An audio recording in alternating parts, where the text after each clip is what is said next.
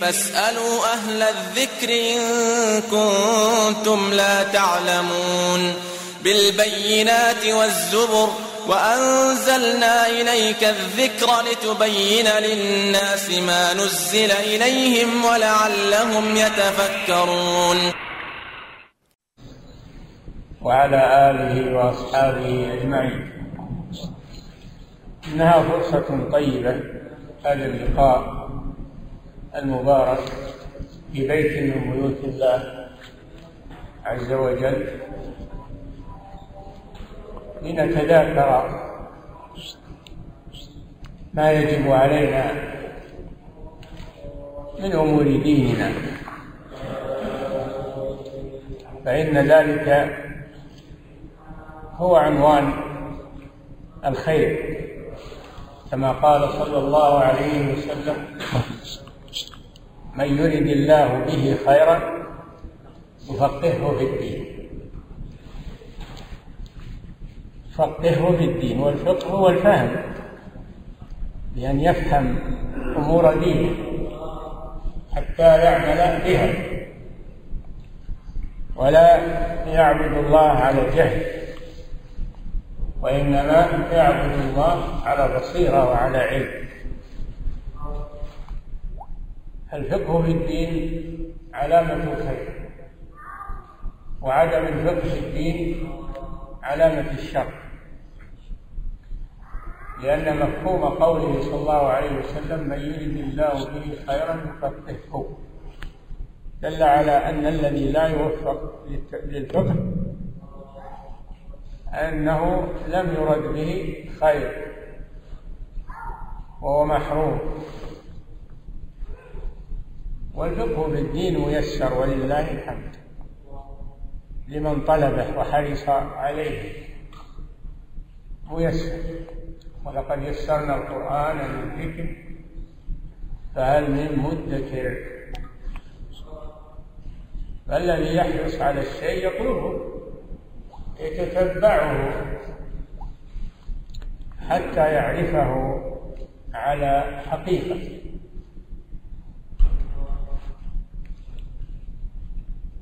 والتفقه بالدين. يكون أمور أولها تلقي عن أهل العلم. بحضور الدروس التي تلقى على الطلاب. فيتلقون العلم عن مشايخ.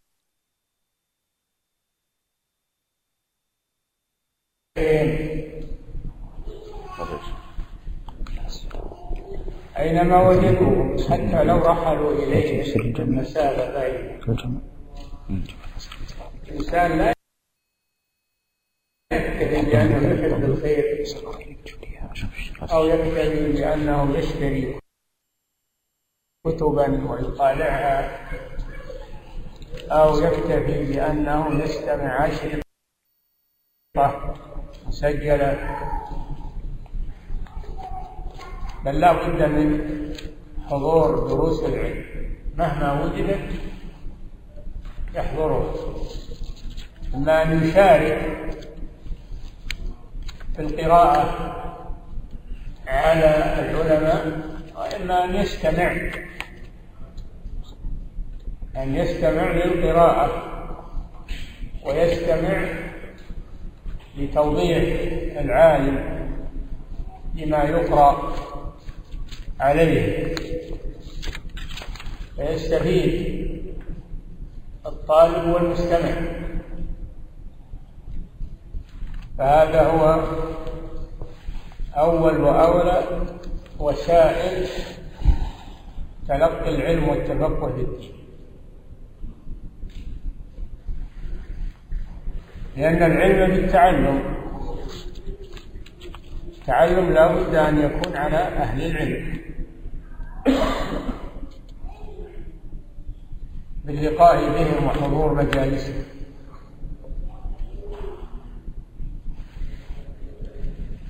فإذا وفق الإنسان لذلك فقد سار في طريق طلب العلم. قد قال صلى الله عليه وسلم من سلك طريقا يلتمس فيه علما سلك الله له به طريقا إلى الجنة. وإن الملائكة لتضع أجنحتها لطالب العلم رضا بما يصف. ومن رغب في شيء جد في طلبه حتى يحصله. كذلك من وسائل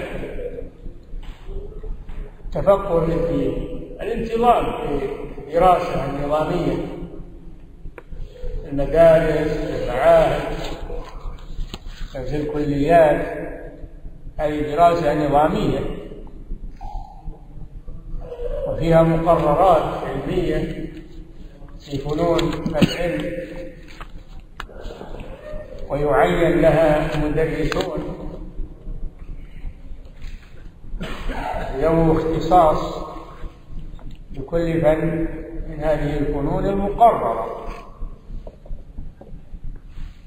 وهذه المقررات مختارة من الكتب الوصول العلمية والمختصرات. في الفقه مثلا في أصول الفقه الحديث في مصطلح الحديث في النحو وعلوم العربية في التفسير.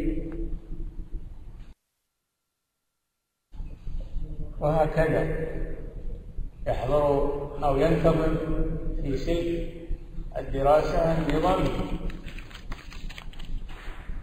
أو يحضر الدروس في المساجد وحلق الذكر. وكذلك يحتاج طالب العلم إلى صبر. طول صبر طول دراسة. ولا يمل. ولا ييأس إذا صعب عليه شيء إذا صعب عليه شيء فلا ييأس ويحاول.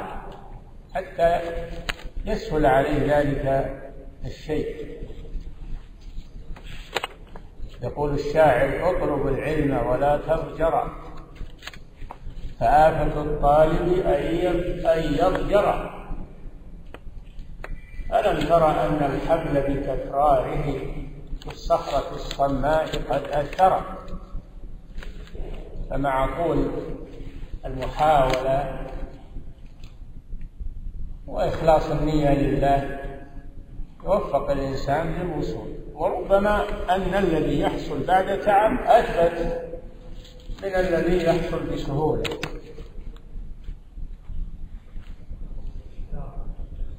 يذكر أن رجلا أو طالبا.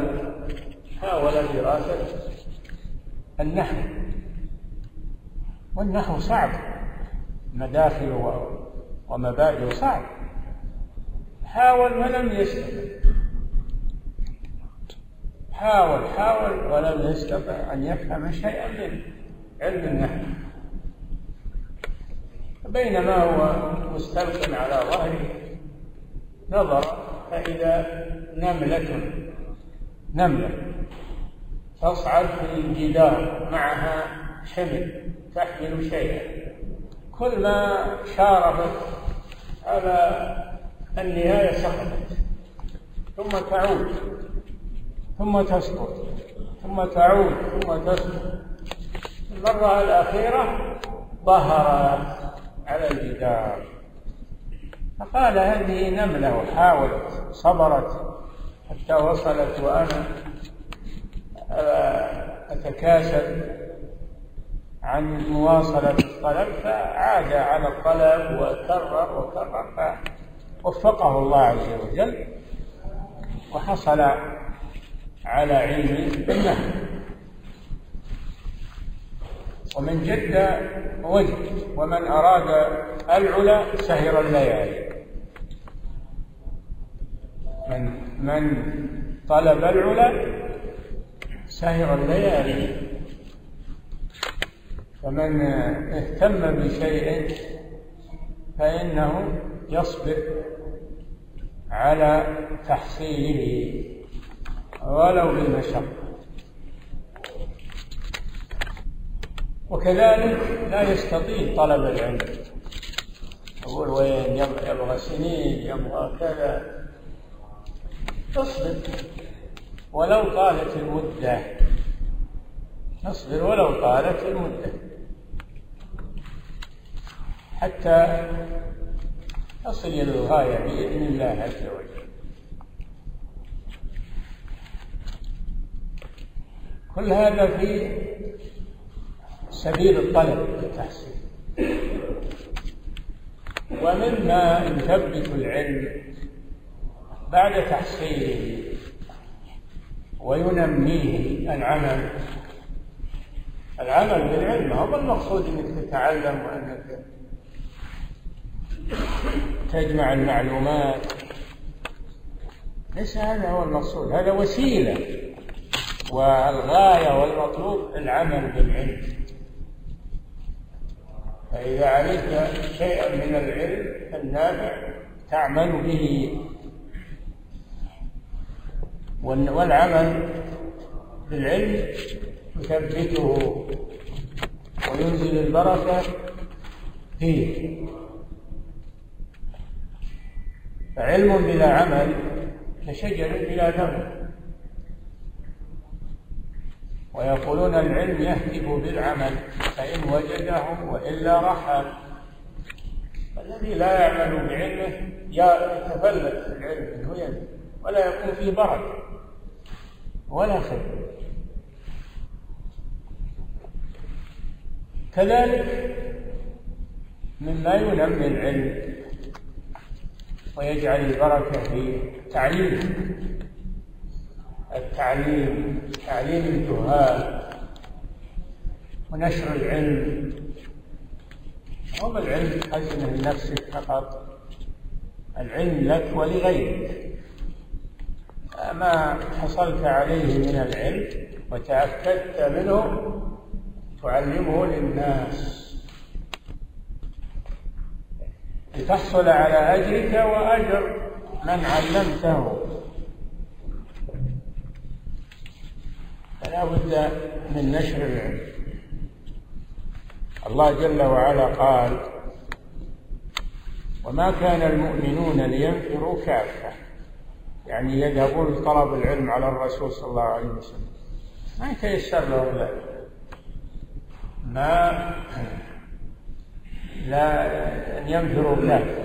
فلولا نفر يعني هل نفر من كل فرقة منهم طائفة؟ يعني من القبيلة واحد اثنين من البلد واحد اثنين يذهبون لطلب العلم.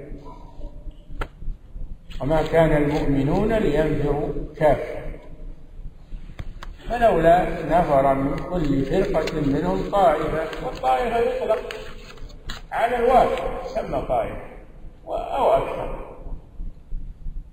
فلولا نفر من كل فرقة منهم طائفة ليتفقهوا في الدين. يتفقهون على الرسول صلى الله عليه وسلم.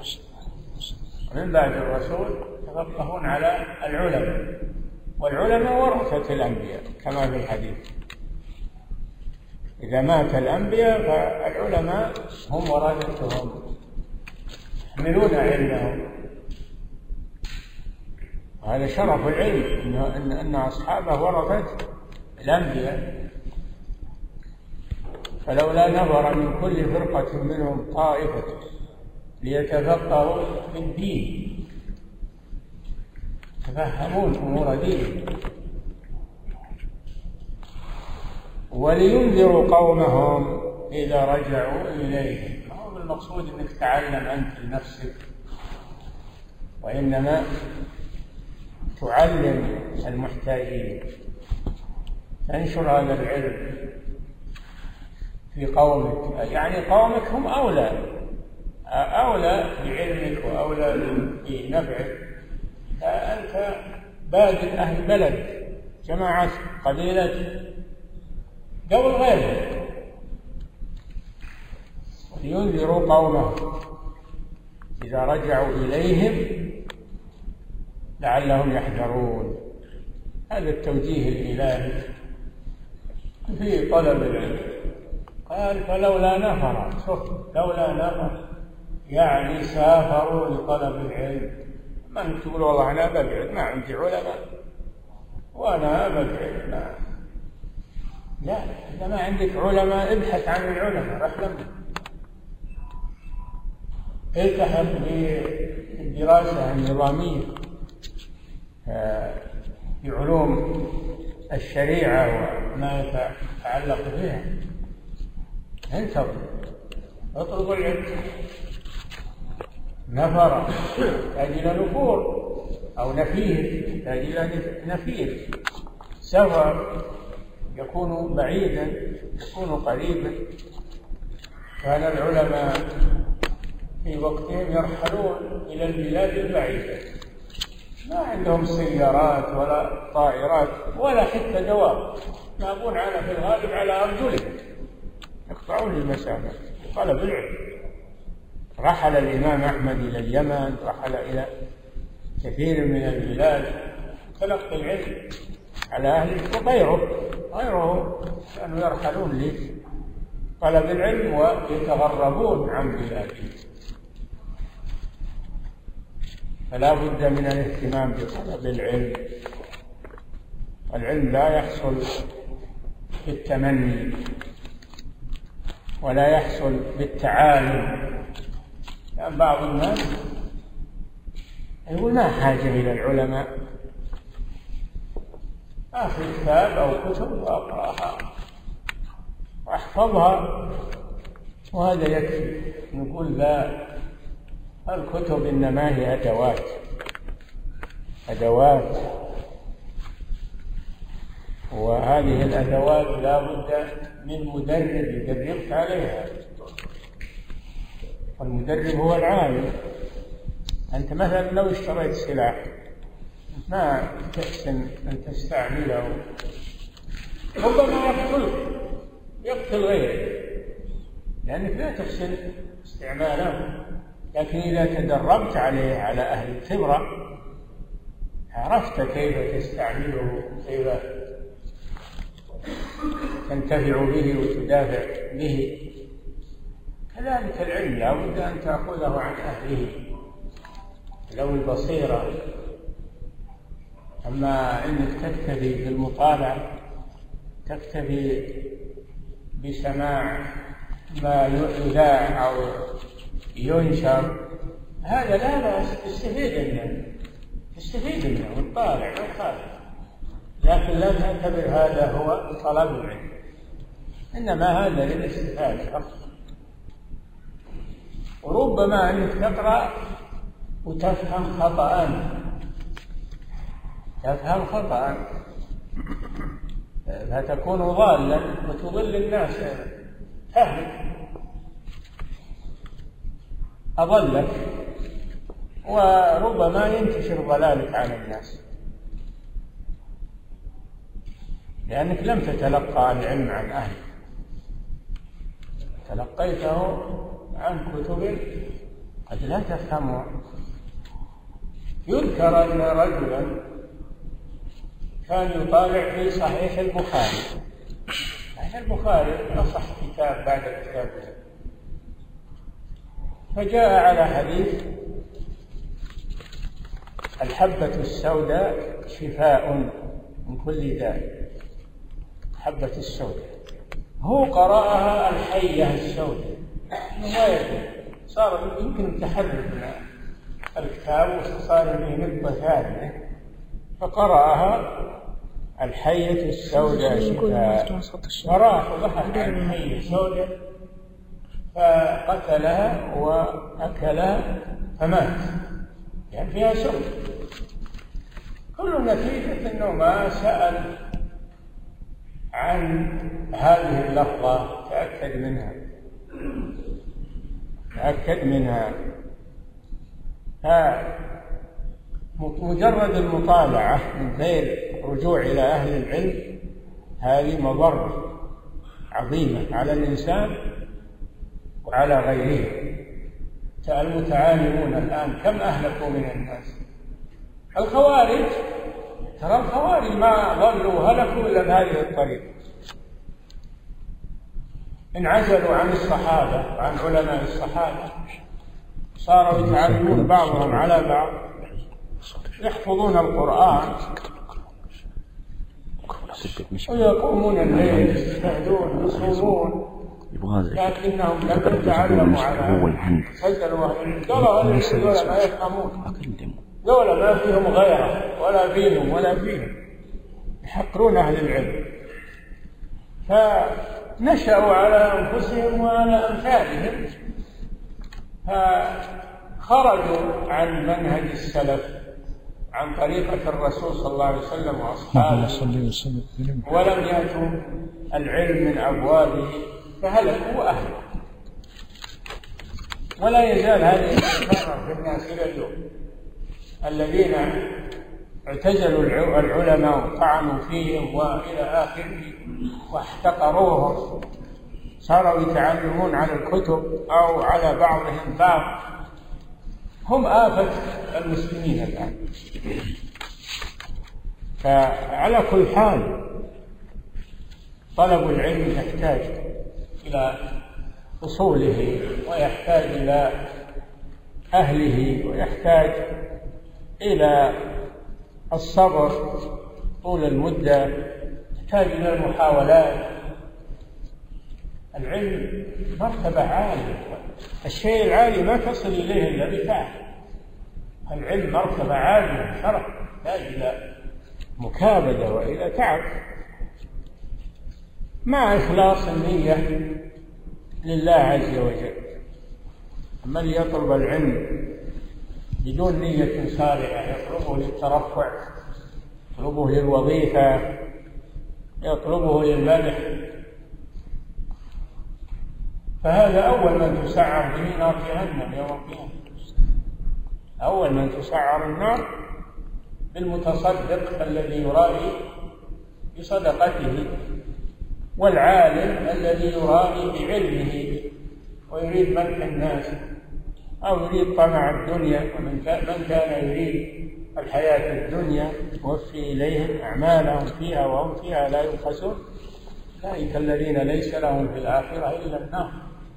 حبط ما صنعوا فيها وباطل ما كانوا يعملون.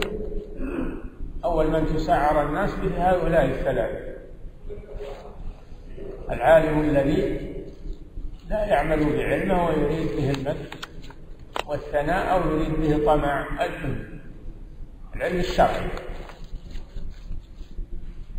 والمتصدق. المتصدق الذي يريد الرياء والسمعة والمجاهد اللي يقاتل في سبيل الله. ولكنه لا يريد الأجر يريد أن يقال إنه شجاع إنه بطل. هؤلاء يسألهم الله يوم القيامة يسأل العالم ماذا عملت؟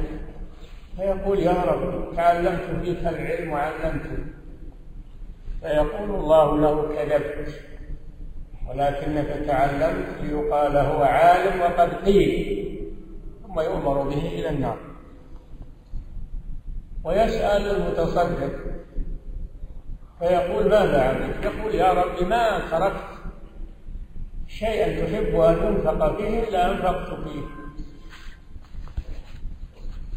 طلبا لرضاك فيقول الله له كذبت إنما تصدقت. ليقال هو جواد وقد ثم يؤمر به إلى النار. ويؤتى بالمجاهد فيسأله الله ماذا عنه؟ فيقول يا رب قاتلت فيك حتى قتلت. فيقول الله له كذبت. ولكنك قاتلت ليقال هو شجاع وقد قيل ثم يؤمر به إلى النار. فليحذر طالب العلم من سوء النية وسوء القصد. لا يكون قصده إلا وجه الله سبحانه وتعالى دار الآخرة. العلم أشرف من هذا. العلم أشرف من أن يطلب فيه الرياء أو يطلب فيه الوظيفة أو يطلب فيه. أشرف من هذا. العلم تطلب به الجنة. تطلب به الجنة ومرضاة الله سبحانه وتعالى. لا أحب أن أطيل في هذا. لأن ربما في أسئلة شبهة كثيرة والله يعين نترك المجال لبعضها نعم. جزا الله شيخنا خير الجزاء على ما قدم. وسأله سبحانه وتعالى أن يجعل ذلك في ميزان أعماله. وبالنسبة للأسئلة فيها كما ترون كثيرة ولعلنا ننتقي منها. هذا سائل يقول قدمت من المدينة المنورة إلى جدة وقد أذن علي المغرب وأنا في الطريق ووصلت إلى جدة ودخلت المسجد ووجدتهم يقيمون الصلاة صلاة العشاء فماذا علي أن أفعل؟ عليك أن تصلي المغرب أولا تصلي المغرب أولا ثم تصلي معهم العشاء. ما بقي منها؟ لأن الترتيب واجب بين الصلوات.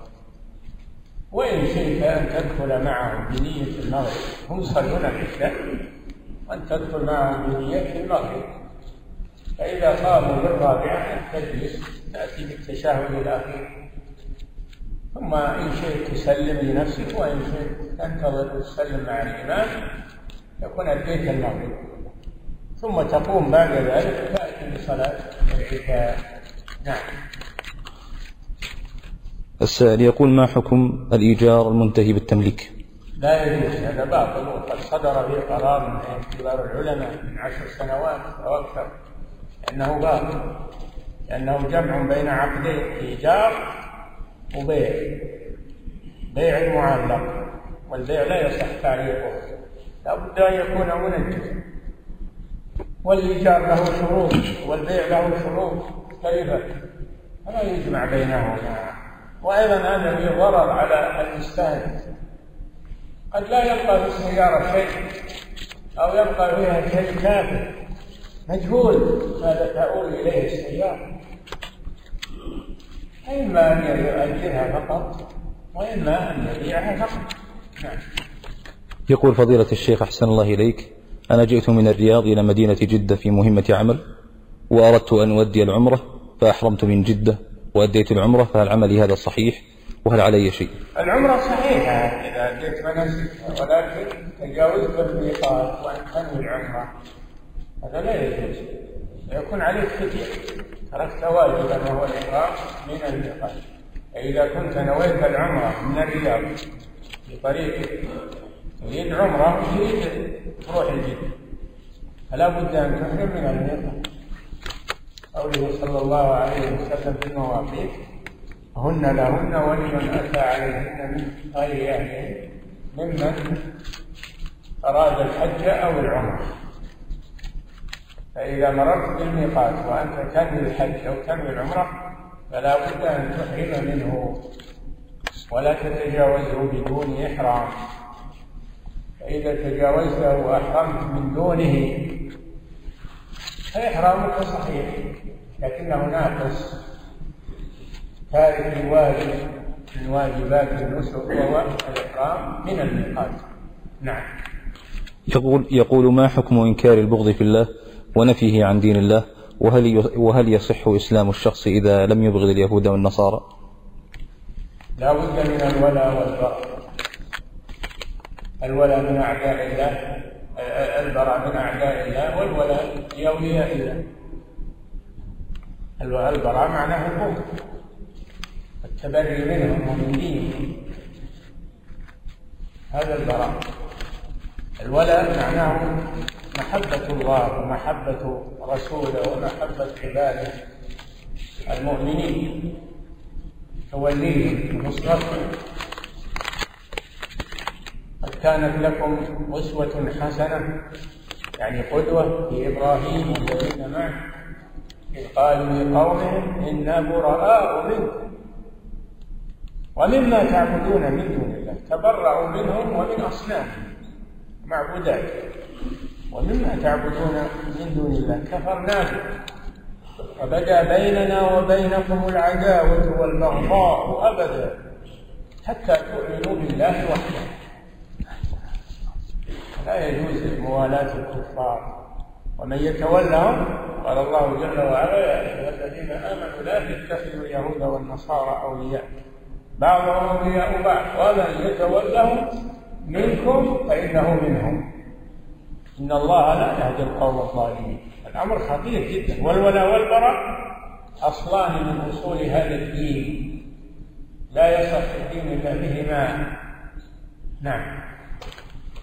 يقول نحن مجموعة من الموظفين نعمل في مدينة تبعد عنا سبعين كيلو تقريبا. هل يجوز الجمع والقصر للصلاة يوميا؟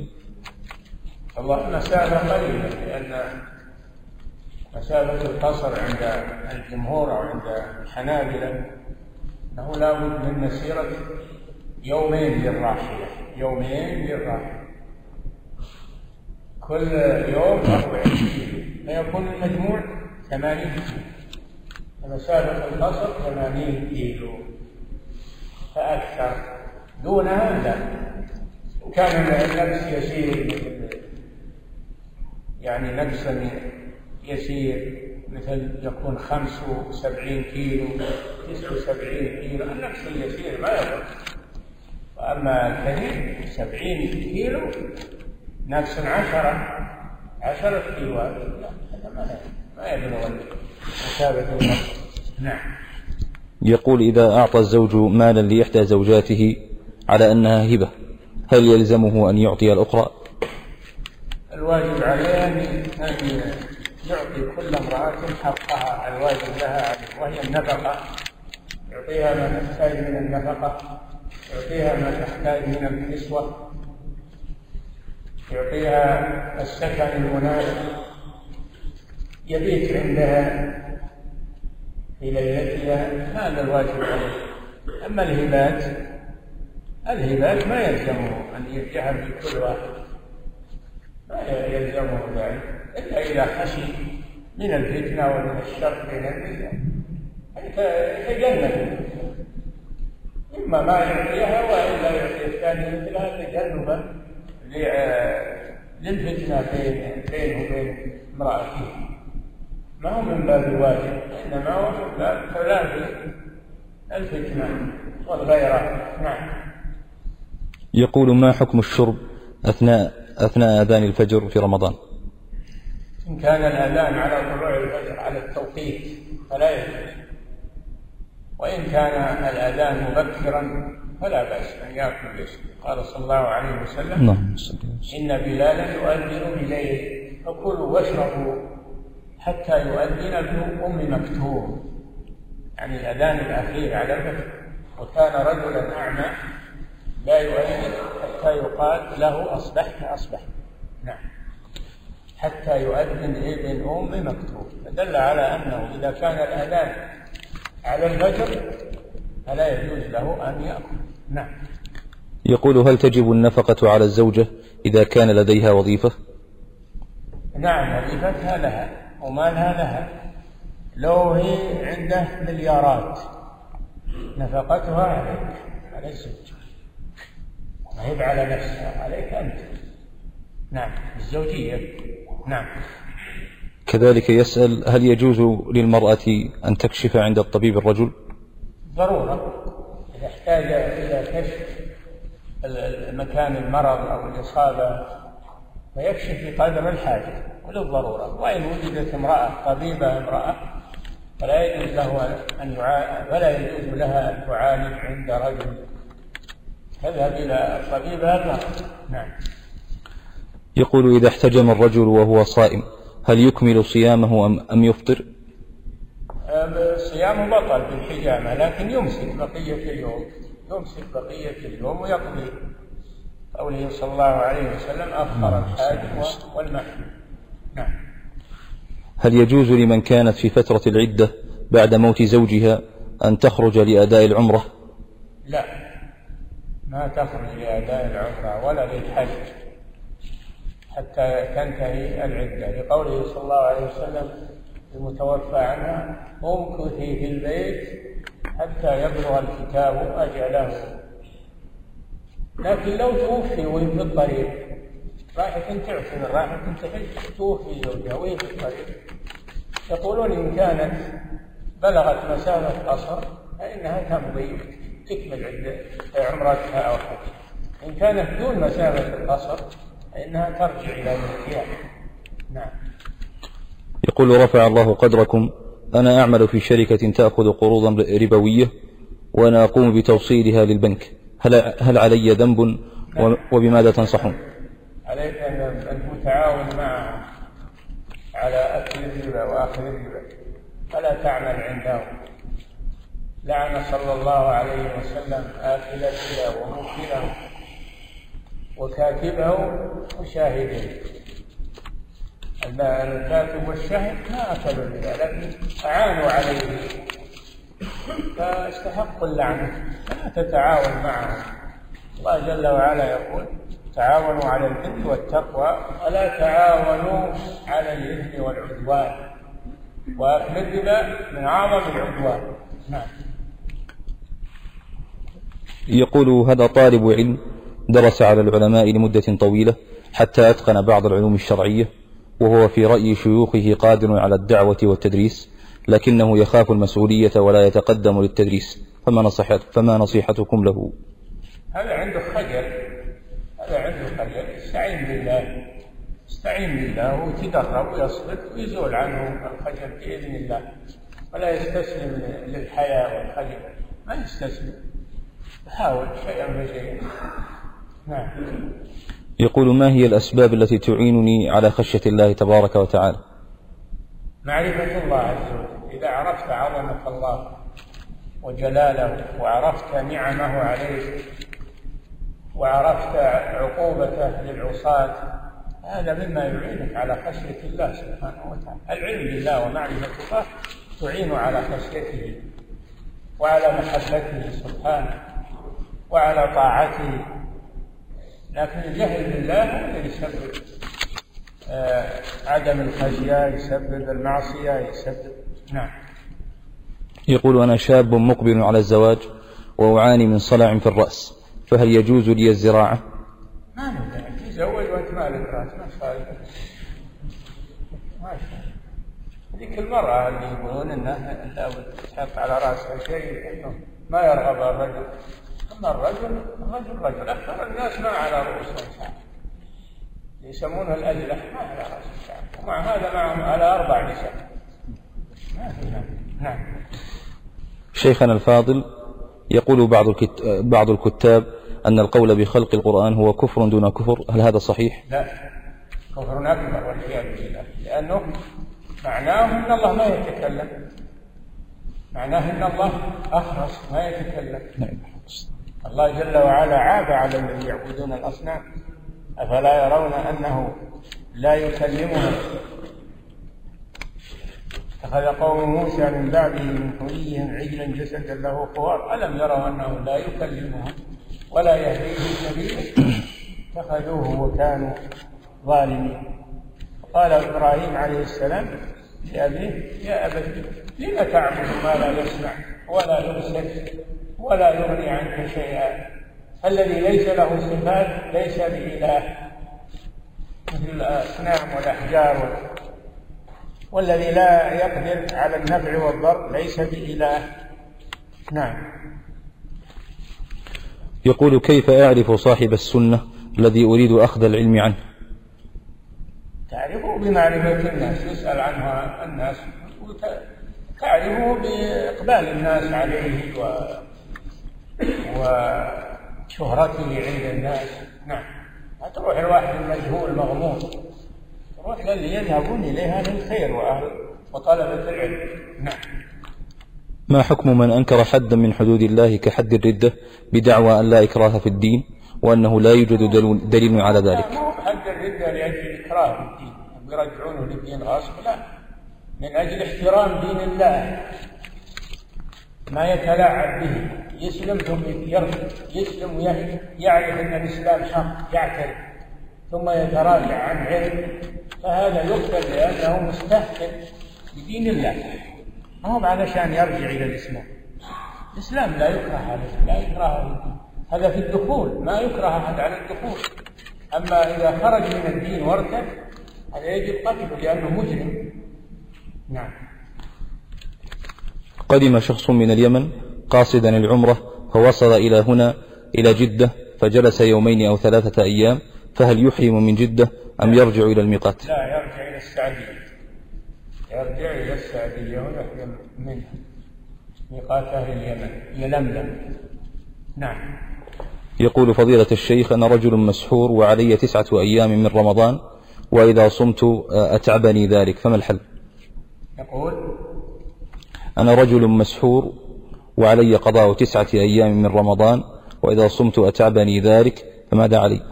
أجل أجل القضاء. إلى أن يعافيك الله تقضي ثم تقضي. أنت معذور في تأخير تأخير القضاء. نعم. يقول هل بسم الله الرحمن الرحيم من سورة الفاتحة؟ الصحيح أنها ليست من سورة الفاتحة أنها آية مستقلة. تكتب قبل السورة ويؤتى بها قبل السورة لأنها نزلت قبل السور إلا براءة لم تنزل قبله. وما عداها من السور فتنزل بسم الله الرحمن الرحيم قبلها. ويستحب قراءتها قبل السورة. يستحب قراءتها قبل الفاتحة. لكن سرا ما يجهر بها الحديث الصحيح صليت خلف رسول الله صلى الله عليه وسلم وخلف أبي بكر وعمر وعثمان فكانوا يبدأون الصلاة بالحمد لله رب العالمين. ولم يكونوا يبدأونها بسم الله الرحمن الرحيم. فدل على أن البسملة ليست من الفاتحة وهي آية مستقلة من القرآن. نعم. يؤتى بها في أوائل السور ما عدا براءة. نعم. يقول بارك الله فيكم ما حكم ختم ختم القرآن في ليلة واحدة؟ إذا استطاع هذا فلا بأس حسب الاستطاعة. نعم. وما حكم صيام يوم السبت؟ إفراده لا يجوز إفراد يوم السبت لا يجوز أما إذا صامه تبع لغيره فلا بأس. نعم. يقول عندي أربعة أطفال معاقين هل يجوز بيع, بيع الكلية لكي أوفر السكن لهم؟ لدي أربعة أطفال معاقين هل يجوز بيع الكل الكلية لكي أوفر سكنا لهم؟ لا لكن الحمد لله الحكومة الآن تبذل لمثلهم ضمان اجتماعي. تراجع الحكومة الجهات المختصة الضمان الاجتماعي يصرفون نعم. يقول ما الحكم في من ينام في غرفة مستقلة عن زوجه هربا من أطفاله الصغار بصفة دائمة بحجة العمل والمرأة متضررة من ذلك التصرف. المهم أنه يبيت في البيت الذي هي فيه عنده يعني في المسكن أو لازم ينام معها في فراشها ينام عندها في البيت حولها. هذا هو المطلوب. وإذا نام معها في الفراش هذا أحسن. لكنه ما يلزم نعم. يقول نريد كلمة توجيهية لمن يحرص على طلب العلم ويتساهل في تطبيقه أو إنزال النصوص الشرعية على ما يوافق هواه. يطلب العلم وإذا طلب العلم بإذن الله سيرغب في العمل. العلم يرغب في العمل. ويهديه للعمل طلب العلم خير. نعم. كيف يوازن الرجل بين حق زوجته والجلوس معها؟ بعض الناس يجيه الشيطان يقول لا تطلب العلم لأنك ما أنت بعارف ولا تطلب حجة عليك هذا من الشيطان على المسلم أنه يجزم يطلب العلم وسيهديه العلم بإذن الله إلى العمل. نعم. يقول كيف يوازن الرجل بين حق زوجته والجلوس معها وأولادها وبين طلب العلم؟ وهل الخروج اليومي له بحجة طلب العلم وتركها مع الأولاد لفترات طويلة إجحاف في حقها؟ ما هو من حقها؟ أنه ينحبس عندها. حقها أنه يبيت عندها لليل فقط وبالنهار يروح يطلب العلم يطلب الرزق. ما ينحبس عندها يقول هذا حقها نعم. يقول إذا عاهدت الزوجة زوجها ووعدته ونذرت أنها لا تعود لعادتها بالذهاب لأهلها بدون إذن زوجها ثم فعلت ذلك فهل تستحق النفقة؟ إذا كانت تعصيه تخرج بدون إذن هذه ناشز ناشز لا, لا نفقة لها. هذه ناشز نعم. يقول ما هو الإخبات لله وكيفية الوصول إليه؟ الإخبات التواضع لله عز وجل. الإخبات هو التواضع لله بالعبادة. هذا هو الإخبات. نعم. يقول نريد كلمة مفصلة في طرق حفظ العلم. مثل ما سمعت. يعني نعيد الكلام اللي قلناه مثل ما قلنا. توكل على الله وأحسن النية وابحث عن العلماء أو ادخل في المدارس النظامية. واستعن بالله واحفظ المتون واحضر الشرح على على المدرس وبإذن الله تصل إلى غيره واصبر. اصبر على طول المدة. نعم. يقول شيخنا هل يصح هذا الدعاء؟ اللهم يا مقلب القلوب ثبت قلبي على دينك حتى اليقين وأسألك أن أكون من حفظة كتابك وسنة نبيك محمد صلى الله عليه وسلم. حديث اللهم يا مقلب القلوب والأبصار ثبت قلبي على دينك. هذا الذي ورد عن الرسول صلى الله عليه وسلم. أما حتى اليقين وحتى هذه زيادات نعم. ما حكم تدريس المرأة للنساء في المساجد؟ وغالبا ما تكون واعظة. لا المساجد لا. حتى الصلاة المرأة تصلي في بيتها تعلمهم في بيوتهن تعلمهم في بيوتهن. نعم. يقول ما حكم سفر؟ للرجال سبحوا له فيها بالغدو والآصال رجال. ما قال نساء نعم. والنبي صلى الله عليه وسلم قال لا تمنعوا إماء الله مساجد الله يعني في الصلاة مع الجماعة. وبيوتهن خير لهن. نعم. يقول ما حكم سفر المرأة لأجل الدعوة؟ يعني تدعو الله بالمعصية؟ ما يجوز. النبي صلى الله عليه وسلم قال لا يحل لامرأة لا يحل لامرأة أن تسافر مسيرة يومين إلا ومعها ذو محرم معنى لا يحل؟ من حرام معصية. نعم. يقول أنا أخ لكم أعمل سائقا سائق أجرة في في دولة أجنبية وقد يأتي زبون ومعه خمر أو كلب فهل أركبه السيارة أم أرفض؟ لا لا تركبه مع الخمر لا تحمل الخمر. لعن النبي صلى الله عليه وسلم عشرة منهم حاملها والمحمولة إليه. لا تحملها يغنيك الله عنها. نعم. يقول هذا رجل يريد الحج وعنده مال لشراء بيت فهل يقدم الحج أم شراء البيت؟ لا يقدم حاجته الأصلية والبيت حاجة أصلية يحتاج البيت لا يشتري البيت. فإذا زاد شيء أو حصل شيء بعد ذلك زائدا عن حاجته يحج. يقول إذا تعارض طلب العلم مع الورد اليومي للقرآن فماذا نقدم؟ الورد اليومي في الليل وطلب العلم في النهار العلم في النهار نعم. يقول ما أقل الاعتكاف في رمضان؟ ما له حد يكون كثير ما له حد ما حد نعم. ما حكم تلحين الدعاء في قنوت الوتر وقنوت النوازل؟ تلحين ما يجوز لكن تحسين الصوت. تحسين الصوت بالدعاء بقراءة القرآن هذا يكسب الخشوع ويكسب لا بأس بتحسين الصوت. التلحين هذا يدخل في الأغاني. نعم. والألحان. لا إله نعم. في كثير من المساجد يطلب المصلين من إمامهم التخفيف عليهم في صلاة التراويح. فهل الأفضل في حق الإمام الاستجابة لهم؟ أنا ما أظن أن إمامنا اليوم طولة صلاة التراويح. إن كان موجود هو نادر ولا يثقل عليه. يعني أيكم أما الناس فليخفف. فإن فيهم الكبير والمريض وذا الحاجة. يراعي أحواله والذي يقرأ في الركعة صفحة هذا معتدل. نعم ما هو تطول نعم. يقول طلب قرض حسن طلب قرضا حسنا من صديق على أن يرجعه إليه بأقساط ميسرة فهل هذا يعتبر من السؤال المنهي عنه؟ طلب القرض ما هو من السؤال سيرد هذا المال هذا القرض مطلوب فيه أجر فيه ثواب. فلا مانع. إذا احتاج يطلب من آخر القرض نعم يقول من قرأ القرآن ولا يفهم معناه هل له أجر؟ له أجر على القراءة. أجر على القراءة تلاوة القرآن تعلم القرآن.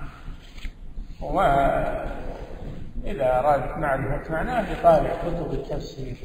نعم وهي ميسرة ولله موجودة نعم.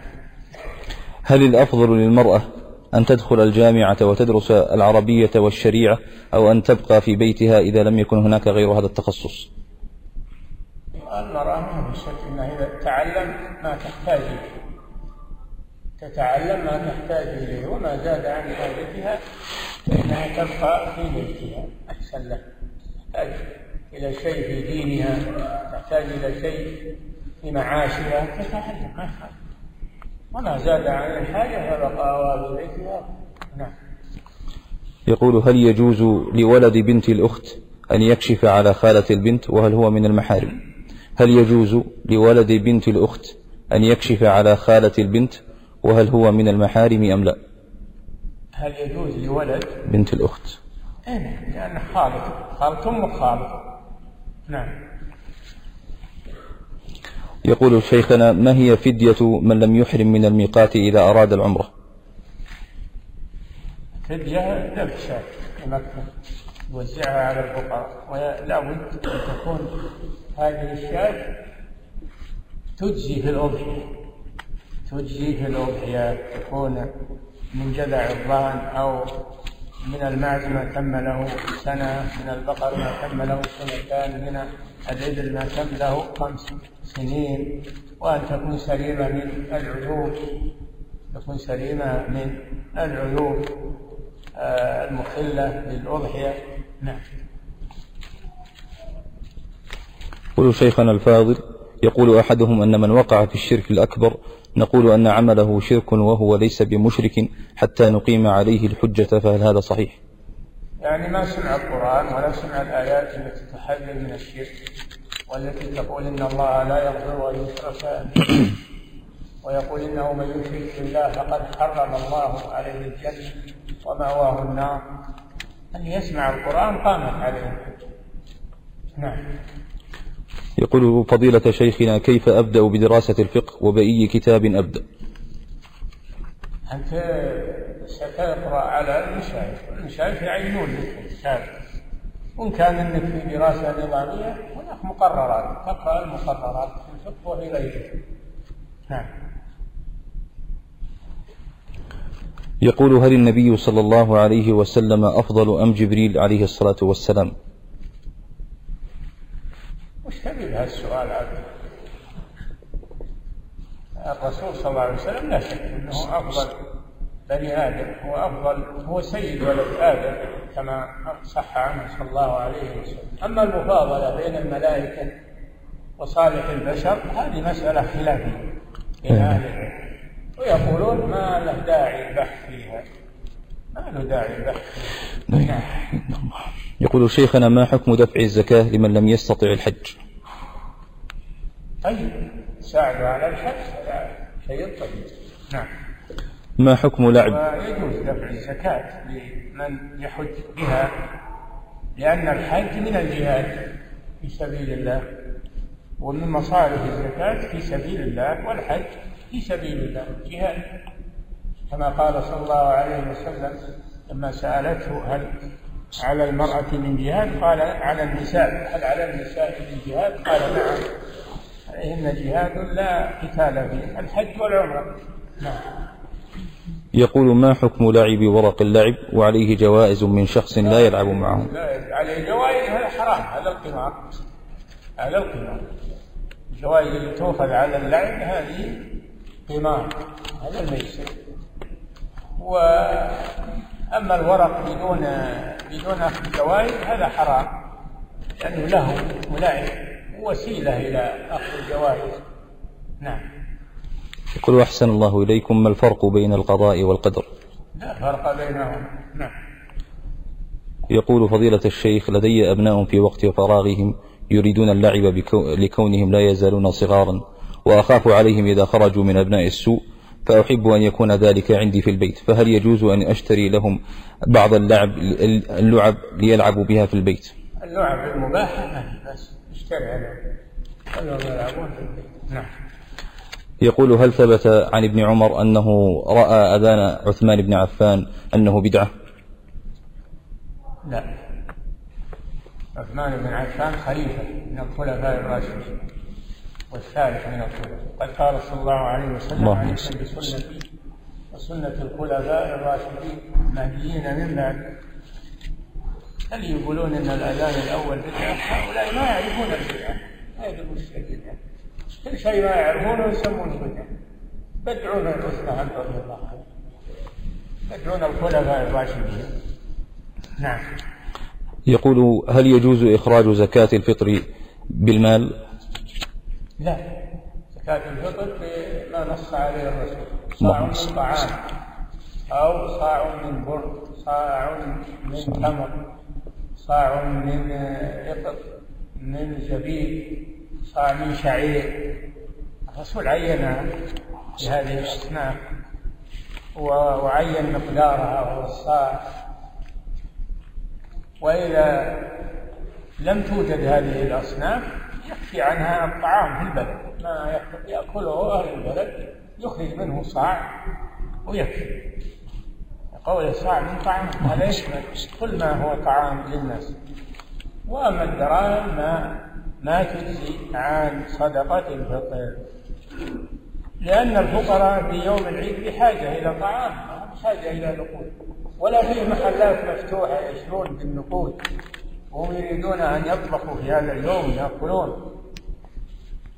يموت جوع والنقود عنده لأن ما في محلات مفتوحة. الرسول صلى الله عليه وسلم أمر بإخراج الطعام لمناسبته في هذا اليوم لأنه يوم عيد ويوم أكل. أعطهم طعام يفرحون ويطبخون مع الناس نعم. يقول حفظكم الله ما الفرق بين العقيدة والمنهج؟ وهل هما متلازمين؟ المنهج هو ال- المنهج هو العمل المنهج العملي مثل آه، الصلاة والصيام والحج وأما العقيدة فهي ما يعتقده الإنسان في ربه وفي أسمائه وصفاته. نعم. يقول ما حكم الصلاة خلف إمام جامع؟ جعلنا منكم شرعة ومنهاجا. نعم. فالعمل المنهاج هو العمل عمل المسلم. وأما العقيدة فهي ما يعتقده في قلبه في الله جل وعلا وفي ملائكته وكتبه ورسله واليوم الآخر والقدر خيره وشره. وأركان الإيمان السته هذه المذكوره وأما العمل فهو الإسلام أركانه خمسة. نعم. يقول ما حكم الصلاة خلف إمام جامع يخطئ في الفاتحة؟ إمام جامع يخطئ في الفاتحة؟ كيف يكون إمام جامع؟ ما يصلح هذا ما يكون إمام جامع. إلا من يتقن الفاتحة لأنها ركن من أركان الصلاة. تعلمها سهل ويسير الحمد لله. فلا يعين في الجامع إلا من هو يتقن الفاتحة ويتقن قراءة على الأقل يتقن قراءته في الصلاة نعم. يقول متى تنتقل حضانة الطفل عن الأم المطلقة؟ هذه عند القاضي ينظر فيها. نعم. يقول هل خال الأب خال لبناته؟ بلا شك. أخو أم الأب خال لبنات الأب. يعني خال والدهم خال لهم خال أمهم خال لهم. نعم.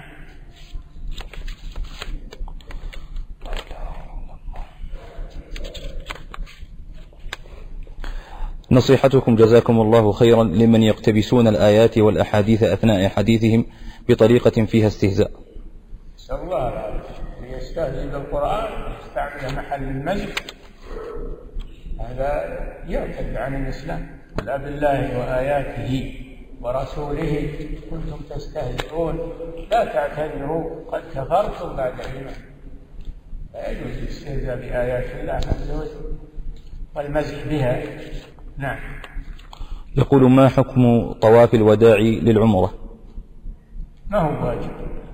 ما هو واجب؟ طواف الوداع واجب في الحج. وأما العمرة فإذا أتى به فهو أحسن وإن تركه فعمرته تامة صحيحة. نعم. يقول هل الصيام الواجب غير المحدد بالزمن مثل الكفارة والقضاء يجب إتمامه أو يجوز له ترك الصيام في ذلك اليوم والإتيان بيوم آخر؟ انتبهوا إذا صام صوما واجبا لكفارة أو لقضاء رمضان أو لنذر وجب عليه أن يكمل اليوم ولا يجوز له قطعه كما لا يقطع الصيام في رمضان. ما يجوز له هذا أما النافلة صوم النافلة يجوز له نعم. يقول حفظكم الله نريد ضوابطا في مسألة التشبه بالكفار ما الجائز منها وما المحرم؟ التشبه بالكفار ما فيه شيء جائز. التشبه ما يسمى تشبه. من تشبه بقوم فهو منه. وذلك فيما يختصون به ما هو من خصائصهم لا تتشبه بهم في لباسهم في شعورهم في مشيهم في كلامهم في ما هو من خصائصهم أما ما كان مشتركا بينهم وبين المسلمين فهذا ليس من التشبه. نعم. يقول هل يصح شيء في أحاديث النصف من شعبان؟ لا. ما صح إلا أن النبي صلى الله عليه وسلم كان يكثر الصيام في شعبان يكثر الصيام في شعبان. هذا صح عنه. بعد ذلك لم يثبت شيء في ليلة النصف من شعبان ولا في لي... ولا في يوم النصف من شعبان. نعم. يقول حفظكم الله ما حكم الدعوة إلى الله بالترغيب بالقصص التي آه، بالقصص التي من غير كتاب ولا من السنة؟ الدعوة إلى الله تكون بالكتاب والسنة ما تكون بالقصص. إلا القصص التي وردت في الكتاب والسنة. الترغيب والترهيب. أما أن يجيب قصص بعض خيالي وله صحيح وبعضها هذا ما يصلح للدعوة إلى الله.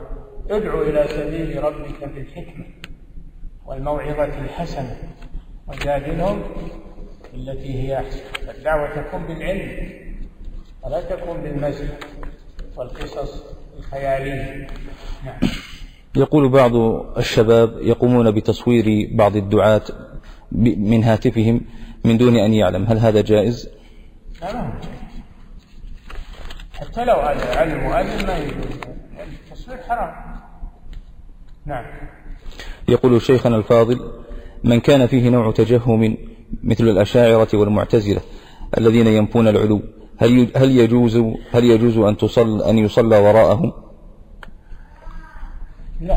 إذا كان ما في غيره إذا كان ما في غيره يصلي وحده ولا يصلي معه. أما إذا كان يجد غيره من أهل السنة فيصلي خلفه. نعم. يقول ما حكم صبغ الحواجب للنساء؟ حرام لا يجوز. الحواجب تترك ولا تصبغ ولا تنمص ولا تقص ولا تحلق تترك كما خلقها الله. عز وجل ولا يعبث بها. نعم. يقول ينتشر بين الناس قولهم الجنة تحت أقدام الأمهات فهل هذا حديث صحيح؟ نعم حديث صحيح عن الرسول صلى الله عليه وسلم. اللهم صل وسلم نعم هذا معناه البر بالوالد. البر بالوالدة والإحسان إليها لأن هذا يدخل الجنة. البر يدخل الجنة. نعم. رغم أنف من أدرك أبويه أو أحدهما فلم يدخله الجنة. نعم. يقول ما حكم الحلف بالطلاق؟ ما يجوز. وما هو مثل الحلف بغير الله لكن سمي حلفا لأنه يجري مجرى الحلف. يجري مجرى الحلف. ما ولا هو ما هو بحلف بغير الله. بعض الناس يغلط في هذا. ولا يجوز الحلف بالطلاق لأنه يحصل فيه يترتب عليه محاذير يترتب عليه مشقة على الحالف ويروح يسأل يتجنب هذا الشيء. نعم. يقول رجل متوفي ولديه دين لدى صندوق رجل متوفي. رجل متوفى ولديه دين لدى صندوق التنمية. من يتوفى. توفى ما هو متوفى. نعم رجل متوفى ولديه دين لدى صندوق التنمية هل يعتبر دينا يجب على الورثة سداده؟ ما يجب على الورثة يسدد من التركة تركة الميت. و الذي حصل الآن من الحكومة أن الميت وعليه دين لبنك التسليف أنه يسقط عنه يسقطون عنه يسقطون. وهذا من إحسانه. نعم.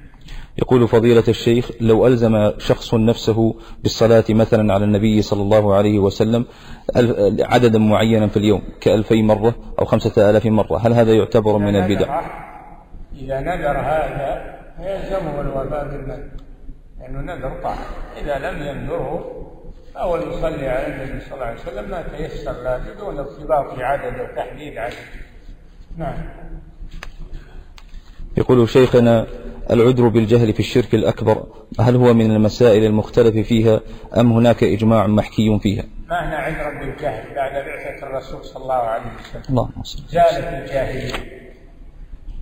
والقرآن من بلغه القرآن قامت عليه الحجة قوله تعالى وأوحي إلي هذا القرآن لأنذركم به ومن بلغ. من بلغه القرآن وهو عربي قامت عليه الحجة إلى متى الجهل هذه هذه يستوى الناس العذر بالجهل. العذر بالجهل إنما يكون في الأمور الخفية. الأمور الخفية التي تحتاج إلى العلماء والشرح أما الأمور الظاهرة مثل الشرك والكفر هذه أشياء ظاهرة القرآن صريح فيها والسنة صريحة فيها. مؤسسة الدعوة الخيرية الدعوة إلى الله هدفنا والتقنية الحديثة وسيلتنا.